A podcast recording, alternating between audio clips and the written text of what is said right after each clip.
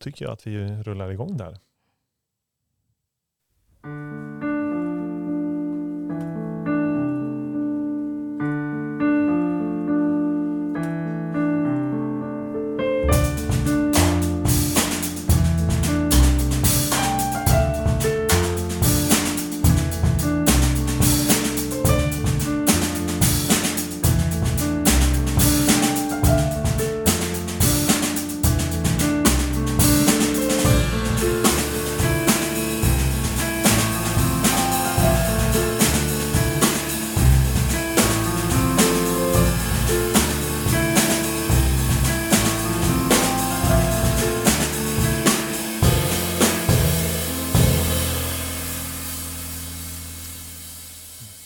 Lyssnar på Pausa, en podd från Svenska kyrkan Södra Tjust pastorat. Här i studion i Västervik står jag tillsammans med bland annat min kollega Anton Hultgren. Hej. Varmt välkommen hit. Ja men tack. Hur är, hur är läget idag? Ja men det är bra. Ja. Vad gjorde du igår? Eh, jobbade, eh, körde ett tio timmars eh, pass. Så det blev, Ja, det blev en lång dag. det blev en lång dag. Ja. Ja, Vi var färdig vid nio, ja, ja. hemma vid tio. Ja, ja, det är en lång dag. Mm. För egen del så gjorde jag bland annat en intervju för vår tidning Andrum eh, med en gäst som faktiskt kommer eh, komma till pausa så småningom här Ja. i vår. Eh, mer än så avslöjar jag inte idag. Nej. Vi ska hälsa vår gäst välkommen också. Marie Strömberg. Tack så jättemycket. Tack Väl- för att jag fick komma hit. Ja, välkommen till pausa. Vad gjorde du igår? Och jag åkte tåg från Stockholm till Virserum där jag har ett litet landställe. Mm. Det tog nästan hela dagen. Ja, det var så. Mm. Ja, Jag hälsade Ja. på min mamma också ja, som bor i Vetlanda. ja okej. Mm. okej. Ja, du har ju lite koppling till Småland då har vi förstått. Mm. Ja. Jag är patriot. Ja, det är så. Det är så. Ja. Hur länge har du bott i Stockholm? Eh, Sen jag var 17 år så det är ju mer än halva mitt liv. Då. Mm. Jag är 58 så Mm. då kan man ju räkna baklänges. Ja. Om man orkar. Men, men Småland står sig starkt alltså fortfarande? Ja, jag har ju haft eh, den här lilla gården då i Virserum i över 20 år och Mm. eh, ja, har alltid återvänt. Så att jag kommer säkert sluta här som pensionär. Ja, du tror det? Det tror jag. Mm. Eh, vi ska säga till er som också väljer att eh, se detta på Youtube. Det finns ju den möjligheten också om man eh, eh, föredrar det. Eh, välkommen hit även i rörlig bild. Då. Eh, detta är ju då del två eh, i våran eh, lilla, lilla serie om våld i nära relationer. Och lyssna gärna på del ett eh, som vi eh, kom ut med i november. Men Marie, över till dig. Eh, född i Vetlanda, som, eh, men bakgrund då i Virserum. Mm, Ja. stämmer bra. Ja. Mm. Du har många strängar på din lyra måste jag säga. Eh, Jag vet inte riktigt, vad säger du själv att du är för någonting? Kreatör tror jag. Kreatör? Ja, Ja, jag men det tror kanske är att ett bra det- samlingsord. Ja. En underbar titel måste Ja, jag säga. ja. Alltså, För, för det jag kan hitta liksom om dig och som jag har lyssnat lite på tidigare saker med dig så är det manusförfattare, scenograf, kostymdesigner, filmskapare, kan man säga det? Mm. Eh, något, har, jag- har jag glömt något? poet. Eh, poet, ja. Poet, ja. ja. Nej, jag tror det, oj, nu försvann. Jag tror det täckte allt faktiskt. Ja, det är så. Ja. Och främsta anledningen till att vi har dig här idag är ju för att du har, ligger bakom diktboken Hennes uppgång och fall. Mm. Som kom ut 2021 eh, och som, eh, eh, ja, men som handlar om det här ämnet, Mm. våld i nära relationer. Eh, 50 kronor också från varje bok eh, går ju till UN Women Sverige, visst är Mm. det så? Ja, det stämmer. Eh, för att stötta i kampen om, i detta viktiga ämne. Då. Eh, va, varför valde du att skriva den här boken? Det är ju en, har varit en lång process. Jag började med den boken när jag var ung. Så jobbade jag extra inom psykiatrin på natten. Och då kom oftast, vi, vi kallar det för vargtimmen, tre, fyra på natten så kom de som mådde dåligt upp och ville sitta och prata. Och flera av de kvinnorna som kom upp på natten beskrev då övergrepp, både av sexuell karaktär och an, annat våld. Då. Och sen hade man jobbat klart morgonen och skulle hem och sova. Det var väldigt svårt att sova när man hade fått ta till sig alla de här historierna. Så att då började jag skriva ner dem. Mm. Men på den tiden så var det här väldigt tabubelagt. Man pratade Mm. inte om det på det sättet som man gör idag. Så att då fick den här lilla boken ligga i byrålådan Mm. tills jag började jobba med en utställning kring våld i nära relationer och liksom hittade de här manus, eller det här manuset. Mm. Och skickade det till ett förlag som nappade. Mm. Spännande. Vi ska höra mycket, mycket mer om det här. eh, Men allra först så ska vi komma till våra fem snabba. Fem snabba. Fem snabba. Yes. Småland eller Stockholm? Småland. Stockholm eller Teneriffa? Oj, den var svår. Teneriffa tror jag idag. Dansa eller pausa? Dansa. Tofflor eller våfflor? Våfflor. Göra film eller skriva bok? Göra film. Du var väldigt snabb måste jag säga. Det var nog rekord i fem snabbas historia. Ja, du, du var verkligen... eh, En bra rak. tid, Ja, verkligen. En riktigt bra tid. Är du nöjd själv med dina svar? Ja, det är jag faktiskt. Det kändes som att de landade rätt. Ja, vad bra. Vi måste ju återkomma till Teneriffa-spåret där. Mm. Vad, vad, vadan detta? Eh, min sambo jobbar i IT-branschen och eh, har en startup som har sin bas på Teneriffa. Mhm. Så då fick vi möjligheten att deltidsbo där kan man säga. Mhm. Mm. Så ni är där i, allt emellanåt? Allt mellan, han är väl där i princip hela vinterhalvåret för att han gillar inte vintern. Ja, okej. Jag- Det är ändå Jag- rakryggat tycker jag. Alltså, jag gillar inte vintern, jag pallar inte, jag sticker härifrån. Istället för att eh, många stannar kvar och gnäller. Ja, precis. Jag känner mig genast lite avundsjuk faktiskt. Eh, Nej men det är väl en otrolig lyx att kunna välja att vara i Sverige eller att vara eh, på, på ett soligt ställe Mm. tycker jag. Ja, verkligen. Mm. Ja. Vi går vidare tycker jag. Eh, Du har ju redan berättat lite kort om boken här då. Eh, Hur har den tagits emot skulle du säga? Eh, Över förväntan, för ämnet är fortfarande ganska kontroversiellt och eh, det är ju ingen bestseller. Det är ju ingenting som hamnar på topplistorna som någon liksom kriminalroman eller sådär. Men, men den har uppmärksammats och fått, ska säga, rätt forum har, har, har tagit till sig boken. Mm. Om man nu kan kalla det för rätt forum, men, men ändå där man är intresserad av frågan och vill göra någon form av skillnad. Mm. Det finns en statistik från eh, Brottsförebyggande rådet eh, som eh, säger att eh, dagligen så inträffar det 100 fall av misshandel i Sverige. Eh, där de utsatta då eh, är bekanta med gärningspersonen. Och då får man ju då tänka att detta innefattar ju inte det stora mörkertalet. Vad, vad tänker ni om dessa siffror? Att det jag finns en siffra överhuvudtaget. Ja. Det ska inte finnas någon siffra. Nej. Eh, Nej, och att det, det fortfarande pågår fastän vi är så medvetna om våldet idag tycker jag är, liksom, det är ganska skrämmande. Mm. Ja, verkligen. Va, vad tror du, eh, liksom, om man är utifrån och ser, eh, vad, vad- är liksom första tecknet på att, man, att någon lever i våld i nära relationer?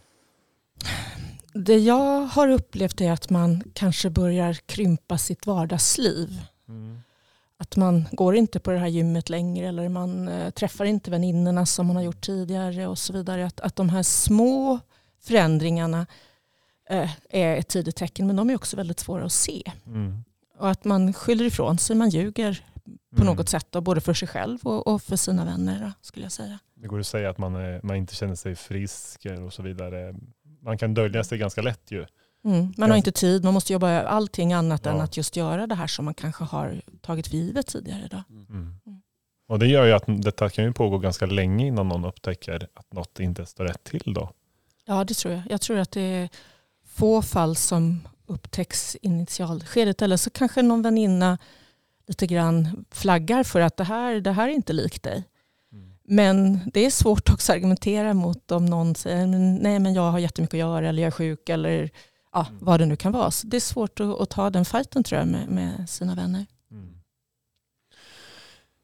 Vi har ju läst din bok, både jag och Anton. Eh, vi tänkte vi skulle läsa varsin eh, dikt som vi har valt ut här eh, under programmet. Vill du börja Anton? Jag kan börja. Mm.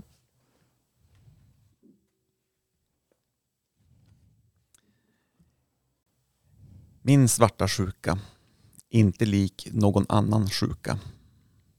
Inte lik någon annans sjuka. Den äter upp min självkänsla, den fyller mig med tvivel. Den får mig att kapitulera. Den vill att jag beter mig illa. Min svarta sjuka går att bota med tre ord. Vad, eh, vad, eh, varför välj- valde du denna Anton? Jag valde den för att jag, jag gillar eh, slutet på den. Ja. Min svarta sjuka går att bota med tre ord. Och tänkte bara, vilka är de tre orden? ja, precis. Mm. Vad tänker du Marie om den? Nej, men jag tänker att den här dåliga självkänslan som ofta ligger till, i grunden för att man är svartsjuk går ju oftast att bota genom att man bryr sig om någon väldigt mycket. Då. Att vi bryr oss för lite om varandra idag tänker jag i samhället. Ja, men precis. Jag, jag tyckte också att den här var stark. Jag tänker också på de här tre orden där. Eh, är orden jag älskar dig? Tänker du det? Eller vilka är de där tre orden? Jag tänker att det är upp till läsaren att, Ja. att hitta de orden inom sig själv. Ja. Det kan ju också vara jag förlåter dig eller det, det finns väldigt många Mm. andra sammanhang där andra ord skulle passa. Då, men, men att man kanske nog känner inuti själv vad som passar. Mm. Eh, den här boken är ju uppbyggd lite grann eh, på ett sätt att det går från fasen att, att beskriva liksom den passionerade kärleken som till en början ser väldigt härlig ut. Mm.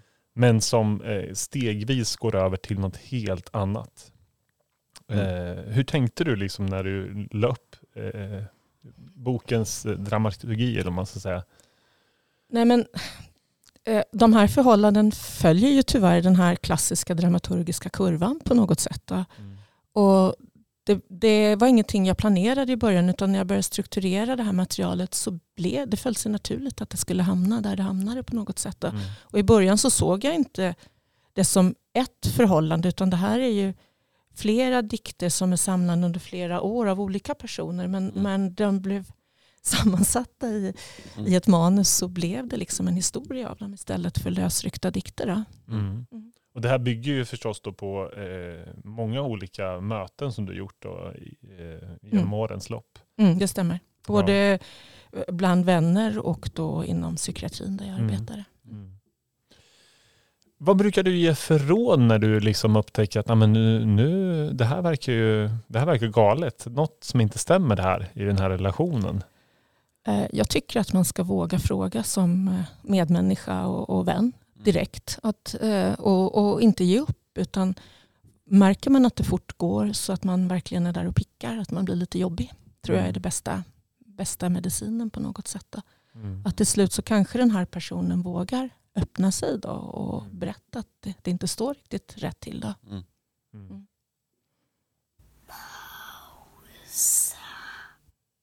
Men är det inte ganska svårt då att vara den här jobbiga eh, vännen? Eh, tänker jag. Man vill ju liksom inte, man vill inte vara jobbig mot någon, eller hur?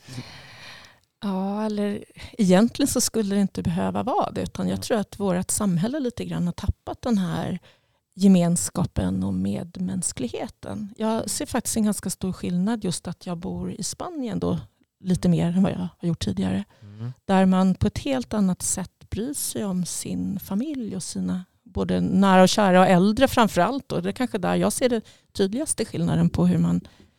Ja, familjen är, är otroligt betydelsefull och vi lite grann har tappat det här i, i Norden. Vi är så otroligt eh, självständiga på ett sätt som kanske inte alltid är sunt, tänker jag.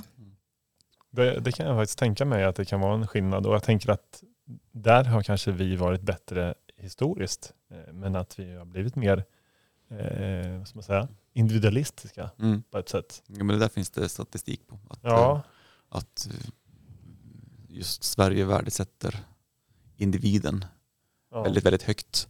ja. Eh, Och kollektivet kommer ganska så långt ner på, på vad man värdesätter. Alltså Mm. att vi ska ha det bra, men jag ska ha det lite bättre än, de, all, all, än genomsnittet. Liksom. Ja.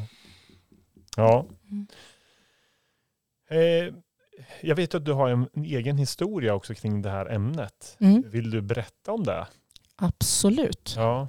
Och ni tänker på det när jag var 11 år och Ja. satt barnvakt hos min granne som då försökte utsätta mig för sexuellt övergrepp. Då. Mm. Och jag hade med mig hemifrån, jag, jag kan inte för jag var barnvakt där. Det var nyårsafton. Jag skulle sitta barnvakt åt hans tre barn. Mm.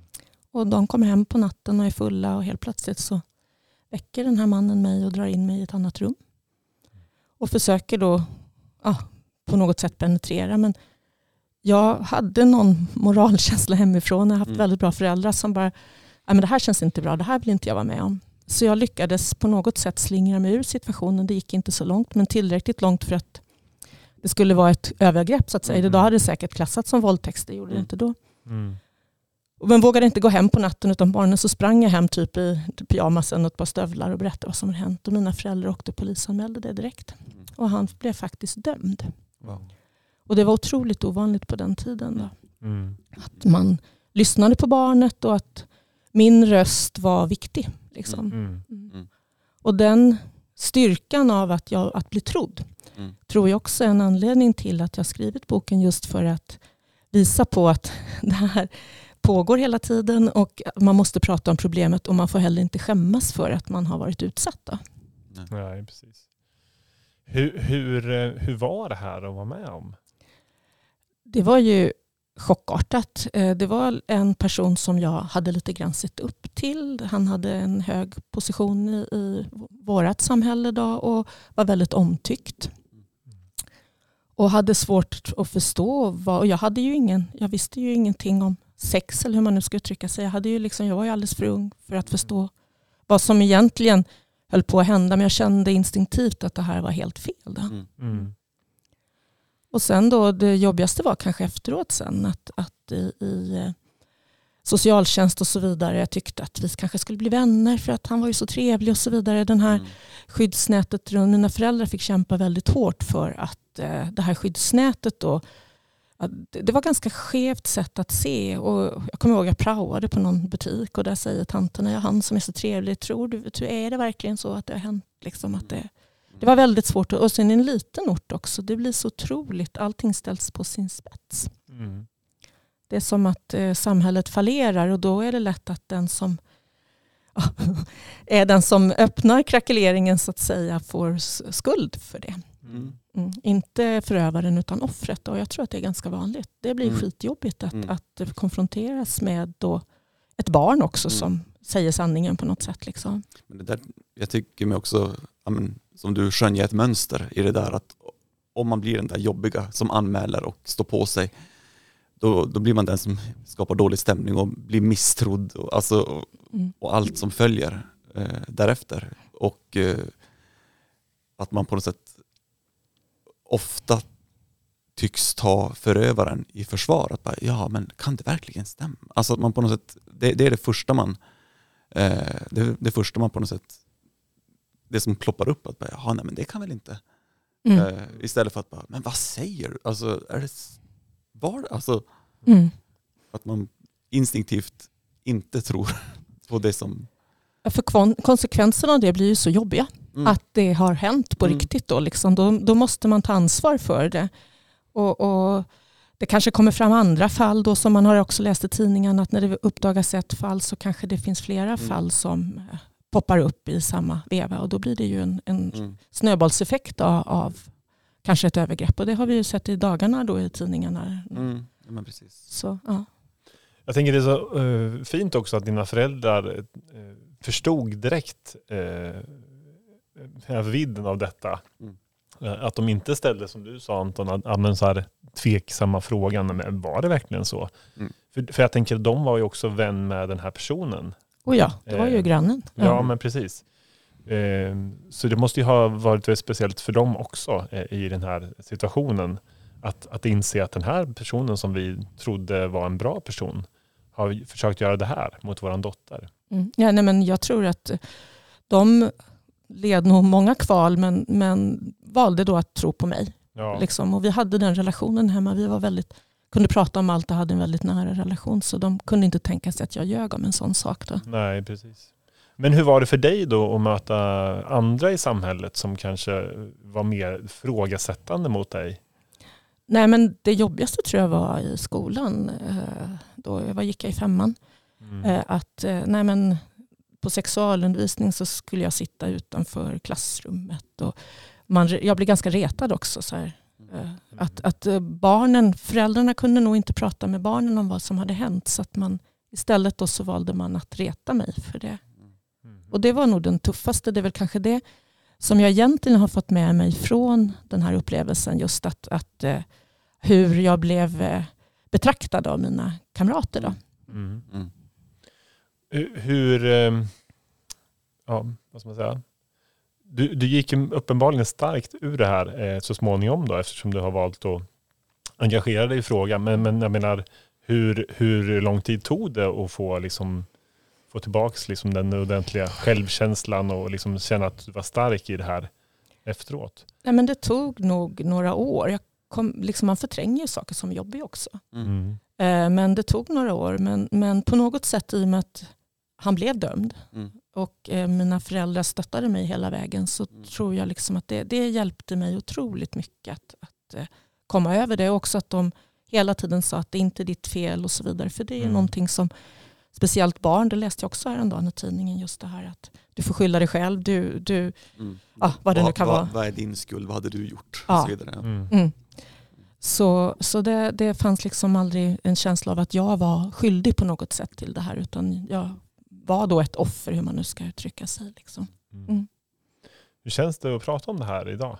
Nej, men idag är det lugnt. Eh, Mm. Jag har ju gått ett varv i terapi om det också såklart när jag Mm. var lite äldre bara för att beta mig igenom det. Mm. Men eh, det märkliga, det har hänt ett par märkliga saker efteråt. Dels så har mannens fru jobbade i en kyrka och när min brors son skulle döpas så var det hon som skulle hålla barnet och det kändes otroligt märkligt. Mm. Och, det var, och sen kom den här kvinnan fram till mig efteråt och, och eh, på något sätt försökte be om ursäkt. Då. Mm. Mm. Och, och sen så kom den här mannen och ringde på mina föräldrars dörr. Också precis innan min, min pappa dog. Och det var ju också någon, någon sträcka ut hand till någon försoning på något sätt. Då. Och, ja, jag vet inte riktigt hur man ska, hur man ska ta det. Men, men eh, det är väldigt svårt att, att förlåta den Mm. typen av handlingar. Det, det, det är väl i princip omöjligt. Men däremot så kan man också se att människor kan förändras kanske då på något sätt. Eller bli medvetna om vad man har gjort i alla fall. Ja. ja, men det tänker jag väl också att, att man kan se en förändring på ett sätt. Men som du säger, det måste vara jättesvårt att, att att förlåta en sån handling, eh, tänker jag. Ja, det, det är ju en, en komplex fråga. Jag, jag tänker ibland så här att jag tycker att man ska i mesta möjliga mån försöka förlåta och gå vidare för att man mår oftast bättre själv. Men, men eh, just vad det gäller övergrepp på barn tycker jag det, det får sådana enorma konsekvenser längre fram för barnen i livet. Och Mm. alla har inte den möjligheten och den, den typen av föräldrar som jag hade. Så jag, tycker, det, jag tycker det är en jättesvår fråga. Jag har Mm. inget svar på det. Nej. Vad har det fått för konsekvenser för dig? Eh, Du menar det här, Ja, men själva din upplevelse av detta övergreppet. det har väl fått i konsekvensen att jag är extremt noggrann med att mina barn har det bra och mina barnbarn och så vidare. Att jag försöker också lyfta problemet och ibland kan jag säga, eh, när jag gick i terapi så sa den här kvinnan någonting som jag har tagit med mig. Hon sa så här, vad är det minsta du skulle önskat i den här situationen? Så tänkte jag, ja, men vad tur att det inte blir värre. Eller vilken tur att jag överlevde eller att det har gått så bra för mig. Och då sa nej, det minsta du skulle kunna önska dig Marie, det är att det aldrig hade hänt. Mm. Och det är väl det som man kan ta med sig då att okej, jag var tillräckligt stark, jag kan prata om det. Ibland kanske man har ett kall då, att jag har möjligheten att prata om det här och kanske Mm. kan hjälpa någon annan att våga prata om, om, om sina upplevelser. Mm. Ja, men precis. Ehm. Jag ska läsa en eh, dikt också från din bok. Som går så här. Långsamt blottade du de svaga sidor dårskapen hjälpt dig behålla. Långsamt skrämde du mig till tystnad utan att förstå kroppsspråkets makt. Mm. Jag tycker att eh, särskilt den sista delen, där, långsamt skrämde du mig till tystnad utan att förstå kroppsspråkets makt, är väldigt eh, starkt Mm. Verkligen. på något sätt. Eh, hur tänkte du när du skrev den här? Nej men jag har ju sett det tyvärr då väldigt många gånger det här att man med en blick eller något Mm. kan få någon annat att vara tyst och den personen helt plötsligt börjar anpassa sig efter den här situationen och, och på något sätt känner in sin partners Mm. eh, känsloläge. Liksom. Mm. Mm. Och, och börjar anpassa sitt eget sätt att vara och sitt eget ja, sätt att prata ut efter hur partnern beter sig. Då. Mm. Jag tänkte på det här som du nämnde där, eh, att du är väldigt noggrann med mot dina egna barn, att, okay, att de ska ha det bra som du sa där. Då. Eh, jag tänker också, eh, hur, liksom, hur ofta tänker du på den här händelsen idag, så här långt efteråt? Varje dag. Någon gång varje dag. Jag har tänkt på det att någon gång varje dag i resten av mitt liv så kommer den här tanken att ploppa upp. Då. Jag tror Mm. att det är så med de flesta som har varit med om någonting traumatiskt så kommer det någon gång under dagen och på något sätt, ett litet stygn bara så här, pop. Mm. Och sen Mm. kan det vara borta igen. Ibland lite mer, ibland lite mindre. Och det är lite beroende på vilken dag, hur lång tid det som får leva kvar eller? Ja, det är på något sätt så vissa saker, jag tänker på min pappa varje dag som inte finns längre och så vidare. Vissa saker Mm. går igenom huvudet någon gång varje dag tror jag. Mm. Mm. Ja. Mm. Att du nu då väljer att, eh, du har, man får ju en känsla någonstans av att du, du, det här är liksom någon typ av, eh, du ser det här som ett, eh, någon typ av uppgift att, att eh, vad ska man säga? Jag hittar inte riktigt ordet här. Ja, men alltså, den här upplevelsen har gjort att du känner att det här, det här, ska jag, det här tänker jag arbeta för på något sätt för att hjälpa andra. Mm, ja, men det tror jag att Ja. det ligger i grunden till. Sen, eh, att, att boken blev till var ju det att det var så otroligt många mer än jag som jag Mm. träffade på som hade likartade upplevelser eller mer kanske relaterade till våld i relationer och så vidare. Eh, och, och kände att det här är någonting som vi aldrig får sluta prata om. Då. Mm. Mm. Nej, men precis. Pausa. Eh, är det förknippat med några risker att du går ut eh, och pratar om de här sakerna, skulle du se? Nej, det kan jag inte se. Inte, Jag tänker om det är någon risk för dig personligen, liksom, att du stöter på någon som, som vill eh, att du ska tystna så att säga. Jag har inte upplevt det alls, tvärtom. Att, Mm. att folk faktiskt är tacksamma för att man vågar, vågar prata om det och är öppen med det. Mm. Mm. Ja. Jag kan tänka mig att eh, många som lever i en sån här situation har väldigt, väldigt svårt eh, att lämna. Det här var någonting vi pratade om i vårt förra eh, program i ämnet. Mm. Eh, och det är inte så konstigt såklart. Eh, Man kan, det kanske handlar om rädsla. Eh, vad händer om jag väljer att lämna? Mm. Va- Vad, vad kan du säga om detta svåra läge? Liksom? Nej, men jag tror att, att din självkänsla sjunker ju ganska snabbt tror jag. Om det hela tiden på något sätt blir klankad på på olika Mm. sätt eller slagen eller vad det nu kan vara. Så tror du ju inte du är värd någonting och då är det ju bättre kanske att vara kvar i en dålig relation med någon som vill ha en eftersom man är så himla dålig som person. Då. Det är ju Tänk det, det, är ju det som ha den signalerar. liksom. Ja, förlåt. Mm. Tänk att han vill ha mig. Ja, precis. Vilken tur. ja, precis. Ja. Eh, Så det är, ju, eh, det, det är svårt tror jag att, att ta sig vidare när man har så låg självkänsla. Mm.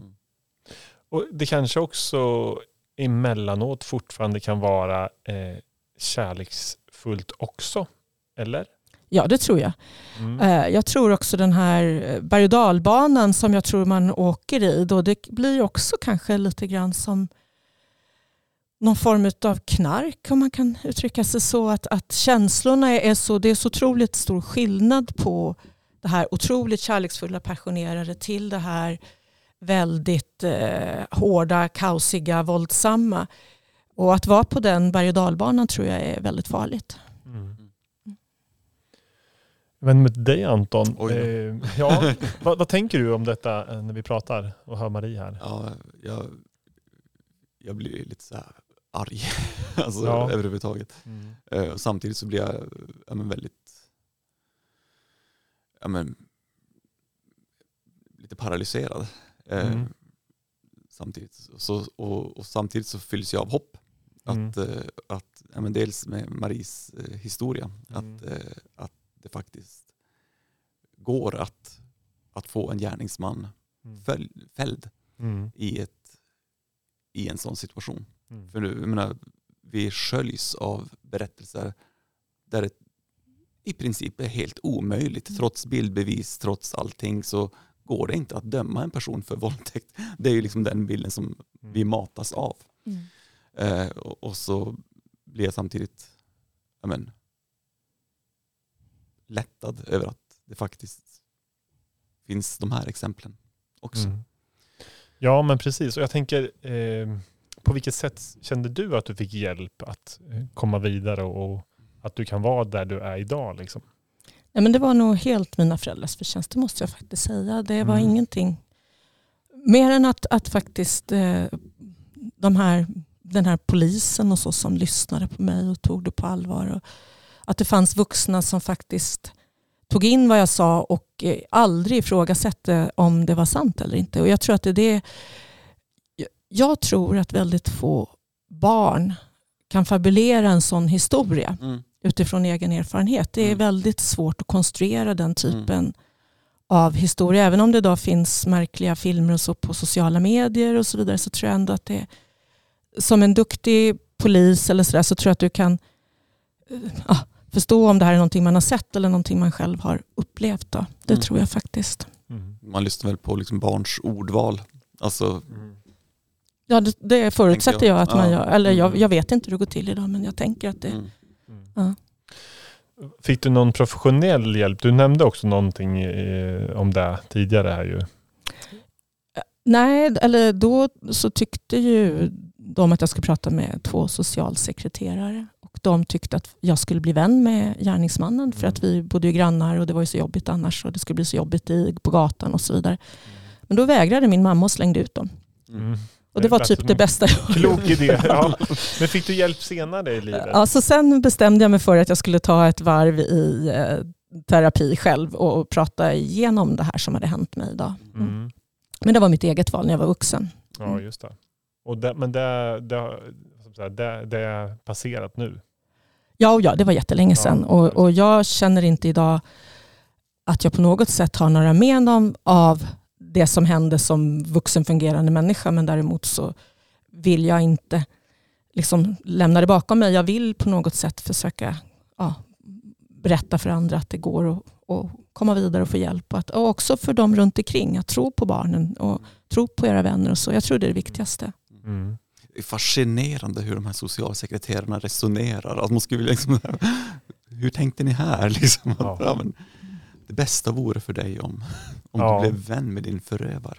Vore inte det en jättebra idé? Nej, det låter ju... Det är helt Som en dålig horribelt. idé. Ja, Ja. väldigt så. Eh, eh, jag tänka, vi- jag jobbar inom, inom kyrkan och var, var på ett, eh, ett eh, seminarium om just, eh, om just det här. Eh, Och då pratade vi om, eller då nämnde de att man pratar i kyrkliga sammanhang om de, den, här, den här frågan så ska man undvika att prata om offer i just i kyrkliga sammanhang för att vi eh, och, eh, offer och förlåtelse. Alltså det, var, det är de här två förbjudna begreppen som har en positiv klang i, i kyrkans värld. Alltså att Jesus är ett offer och att ja, men man får offra lite av sig själv. Och liksom, ja, men, att Mm. ut, ordet utsatt är ett, ett bättre ord än att ja, han, han är ett offer eller hon är ett offer för. Just det. Ja, men jag förstår. Mm. Du var ju lite inne på det här med förlåtelse. Mm. Eh, Det är något vi pratar ganska mycket om i kyrkan. Mm. Men i det här sammanhanget, ja. Kan man, kan man förlåta allt? Jag vet, jag vet faktiskt inte. Det, det, jag tänker på det ganska ofta. Så här, var, var går gränsen till vad man kan förlåta och inte Mm. kan förlåta? Då? Ja men precis. När man eh, kommer in på ett annat, så här, jag kliver alltid in i sidospår. Nej, men för, för att kunna förlåta någonting så måste man också komma till en insikt att eh, då måste man också erkänna eh, brottet Mm. för att, för att det ska finnas något att förlåta. Eh, så, så resonerar man i det här gamla apartheid-systemet att vi har fuckat upp det helt Mm. och hållet Mm. och vi ber om förlåtelse för det vi har gjort. Mm. Eh, men i det här sammanhanget så kan jag tänka mig, nu höftskjuter jag, att ja, men, man kan inte se sin del i, i gärningen. Jag trodde du ville. Eh, eller jag, jag, visste inte att, det kunde ju inte jag veta, men, ja, men nu glömmer vi det här. Alltså, mm. det, finns inte, det finns inte en genuin önskan om att bli förlåten för att man kan inte se någonting att man har gjort något fel i det här. Utan att man säger, ja men, ja men det var inte vad jag såg. Eh, det bollas tillbaka mot den utsatte mm. eh, istället. Att, ja men, kan du förlåta honom? Nej, men jag kan inte förlåta för han har inte bett om förlåtelse. Mm. mm. och skulle han göra det så skulle det vara ganska lättköpt, mm. kan jag tänka. Mm. Eh, jag skulle ha väldigt svårt att förlåta om, no om jag var utsatt och eller än värre, mitt barn skulle vara utsatt. Jag skulle ha väldigt svårt att förlåta den personen. Mm. Eh, det kan jag säga. Mm. Och då kan jag inte heller begära av andra att, ja men, Nej, ska du inte ta och förlåta honom? Nej, alltså. Du får förlåta honom. Eh, så jag tycker, just förlåtelsebegreppet i det här tycker jag är knivigt. Ja, såklart.